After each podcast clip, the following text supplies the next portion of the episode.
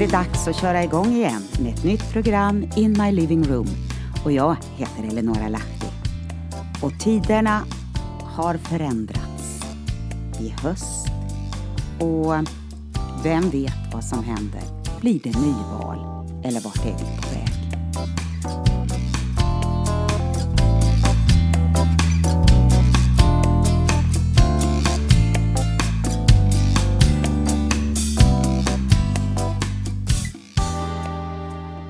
Ja, jag sitter här i mitt arbetsrum här hemma.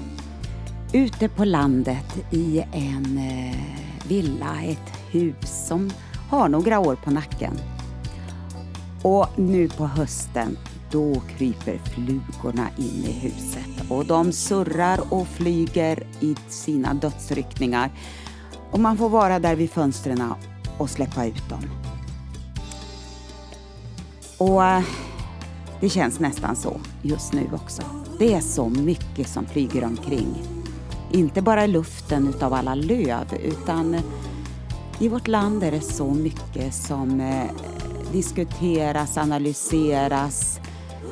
Det är pajkastningar och, och ja, mycket som vi inte förstår, mycket som vi kan ifrågasätta, mycket man undrar över och vart är vi på väg? Sverige behöver en regering och läget ser ut att vara väldigt, väldigt låst. Jag skrev ett blogginlägg i min blogg In My Living Room som heter Maktspel om våra röster. Och jag tänkte dela den med dig idag. Välkommen till mitt program In My Living Room. Eleonora Lahti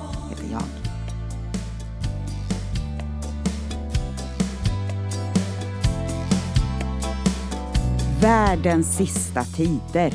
Ja, så skulle min mamma säkert uttrycka sig om hon levt angående läget nu för tiden. Precis som hon gjorde i min egen ungdom på 70-talet. Och visst är det en märklig tid vi lever i. Det är en röd tråd som går från individen, familjen, landet och världen. Och allt ser ut att vara, faktiskt, på ett sluttande plan.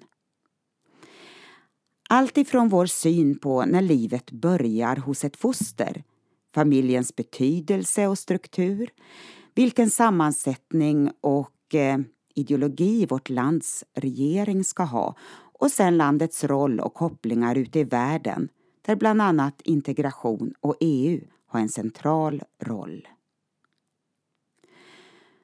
Och just nu så pågår ett maktspel om våra röster från valet som var för eh, några veckor sedan. Kan man tänka sig. Än hur man vänder och vrider kommer vi att ha stora grupper som anser sig svikna av sina företrädare. För eh, när man redan innan valet målat in sig i ett hörn, ja, då är det svårt att ta sig ut. På valvakan, när de flesta valdistrikten var räknade, började parti efter parti utifrån sin egen horisont utge sig själva till vinnare. En förvirring utan dess like, som nästan blev lite komiskt. Och det fortsätter. Men eh, det är nästan så att vi kan säga att alla blir en förlorare nu. Men kan det vara ett ett eh, väldigt högmod eller är det pride, som min 24-åriga kurdiska frisörska uttryckte det, som är problemet? Det är som de gamla orden om andevärldens inflytande och den tidens stormakter från Jesaja 14 och 13 börjar få liv igen i vår tid. Du sa i ditt hjärta, jag ska stiga upp och jag ska upprätta min tron.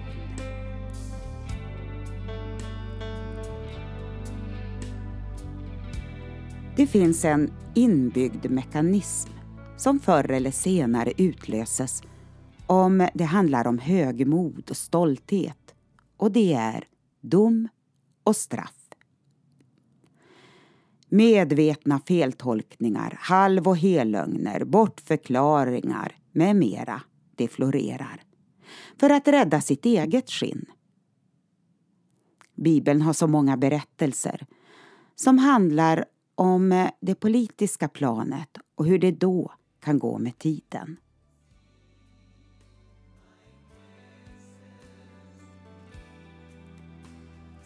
Vart ord på deras läppar är en synd i deras mun.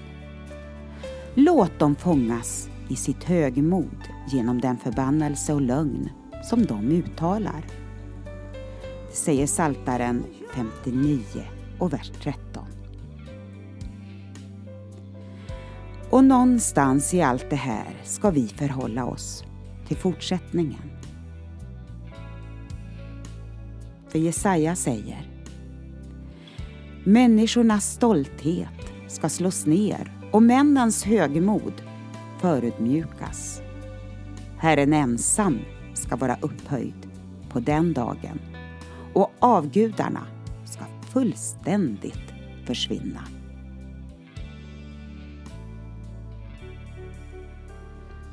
Som sagt, inga självklara och färdiga lösningar finns.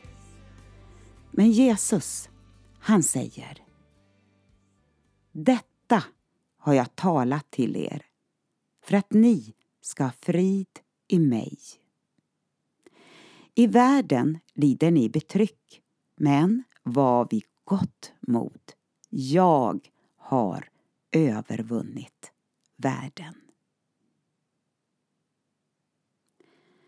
Jag ska spela en utav mina sånger som heter Eh, The Name. Och den är hämtad från min skiva som eh, jag har eh, kallat för It is written. Och det här är en sång som lyfter fram Guds olika namn. Och vi lever ju i en tid när det är så mycket som påverkar oss och som kanske gör oss lite stressade, lite frustrerade. Men det står i psalm 9 och vers 10 att Herren är en borg för den förtryckte, en borg i nödens tider. Och vad är då inte bättre än att verkligen lyfta fram Guds olika namn, hans karaktär, vem han är för oss. Han som vill vara vårt segerbaner. Han som är vår herde, vår läkare, vår frid. Han är den som förser oss med det vi behöver. Och eh, nu ska du få lyssna till den här sången.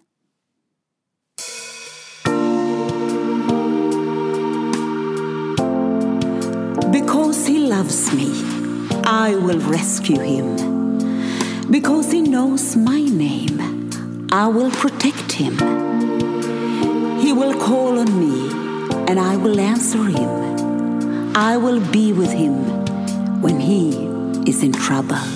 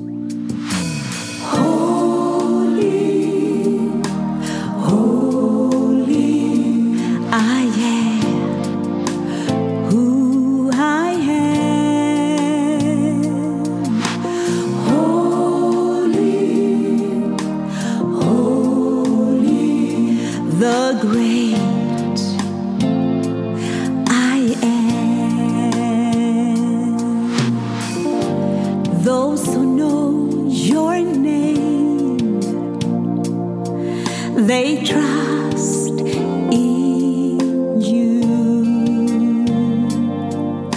Protected by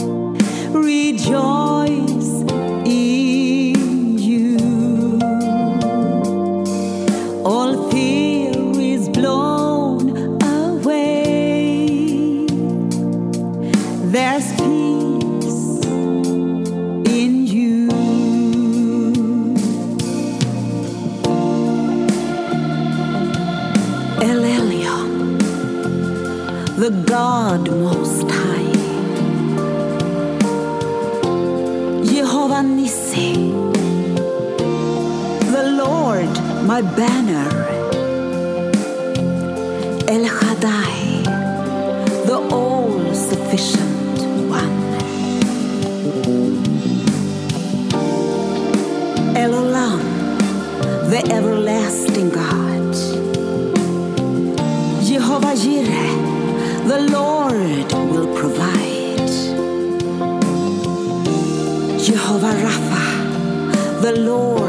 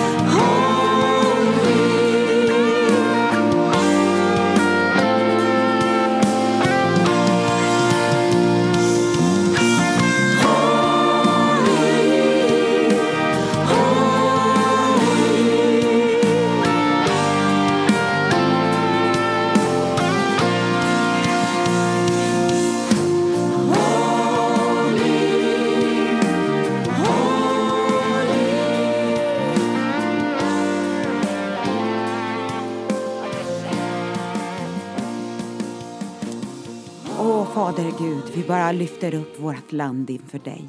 Vi lyfter upp Sverige. Vi lyfter upp folket och det styrelseskick som vi ska ha som är ett gudfruktigt och rättfärdigt styrelseskick.